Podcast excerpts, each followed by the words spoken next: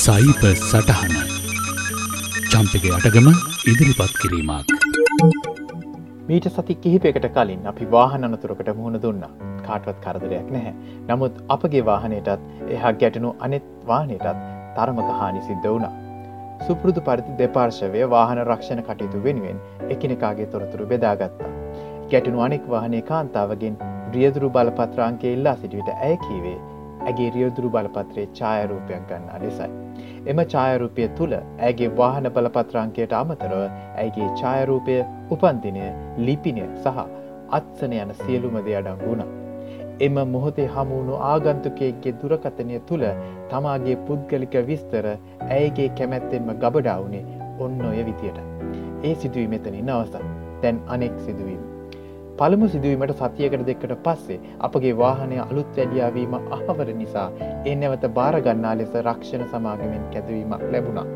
එම ස්ථානයට ළඟා වෙනවා සමගම මට වැටහිගියේ රියදුරු බලපත්‍රය රැගෙනීමට අමතක වූ බවයි. ඔවුන් වෙත ගොස් මගේ අමතකවීම ගැන සමාවිල්ලා මගේ ජංගම දුරකත්තනයට අමතා මගේ අනන්‍යතාවය තහවුරු කරගන්නා ලෙස ඉල්ලා සිටියත් මාව පුදුමයට පත් කරමින් ඔවුන් කිවේ අපට ඔබගේ උපන්දිනය සහ ලිපිනය නිවැරදිව සඳහන් කිරීම වාහනය ලබාදීමට ප්‍රමාණවත් බවයි.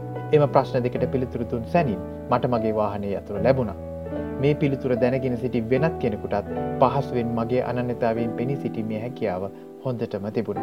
පළමු සිද්ධියෙන් පැහැදිලි වෙනවා බොහෝ දෙනෙක් කෙතරම් පහසුවෙන් විමසිල්ලකින් තොරව තමන්ගේ පුද්ගලික තොරතුරු වෙනත් පාර්ශවලට ලබා දෙනවාද කියලා. දෙවනි උදාහරණයෙන් පැහැදිලි වෙනවා අපගේ අනන්‍යතාවය තහවුරු කිරීමට ඒ පුද්ගලික තොරතුරුම තීරණාත්මක කාර්යභාරයක් සිදු කරනා නිසා. එම කරුණු අප කෙතරම් පරිස්සමෙන් රැකගත යුතුද කියලා. බොහෝදුරට දුරකතන මාර්ගින් හෝ අන්තර්ජාල සේවා වෙනුවෙන් අනන්‍යතාවය තහවුරු කරගන්න ඔවුන් බොහොවිට විමසන්නේ මෙම විස්තරමයි. මේ ගැන අද දවසේ මතක් කරන්න විශේෂ හේතුවකුත් තියෙනවා. අද සිට පුරා සතියක් එනම් මැයි දහතුන සිට දහ නමය දක්වා කාලේ ඔස්ට්‍රේලයානු රජය නම් කරලා තියෙන්නේ ප්‍රයිවසි අවයනස් වීක් නමින්. මේ සම්බන්ධ ජාතික මට්ටමේ දැනුවත් කිරීම විශාල ප්‍රමාණයක් Office of the Australian Information Commission දෙපාත්මින්තු හරා සිද්ධ වෙනවා. පුද්ගලිකත්ව සම්බන්ධ නීතිමය රාමුව සපේන පුද්ගලිකත්ව පනතට ගැන ප්‍රයිවසි ඇක්ට එකට මේ වසරට හරියටම අවුරුදු තිහා. සයිභාවකාශය හරා අතිශය ශීග්‍රයෙන් පුද්ගලික තොරතුරු සංසරණය වීම එම තොරතුරු අනිසි ලෙසාන් සතුවීම එකැන ප්‍රයිවිසි ප්‍රීචස් මගින් ජනතාව ආරක්ෂා කර ගැනීම වෙනුවෙනුත් මෙම පන්නත නිරන්තරයෙන් සංශෝධනයට ලක් වුණා.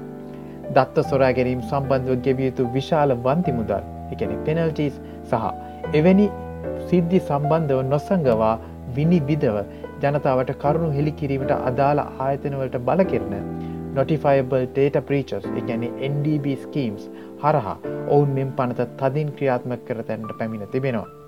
අපගේ ආරක්ෂාවට මෙම නීති තිබුණත් පලක් නැහැ අපි අපගේ අයිතින් ගැන වගකීම ගැන අවබෝධයකින් නැත්නම්.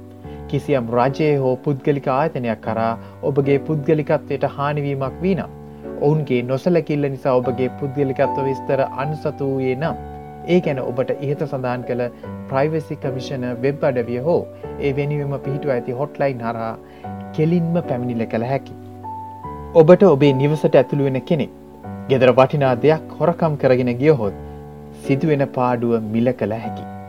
ඔබට නැවතය මිලදී ගතත් හැකි. නමුත් කෙනෙක් ඔබේ පුද්ගලික තොරතුරු සොරකම් කළහොත් ඔබට එම පාඩුව මිල කළ හැකිද. සොරාගත් අනන්‍යතාවේ නැවත ලබාගත හැකිද කෙසේවත් නොහැක.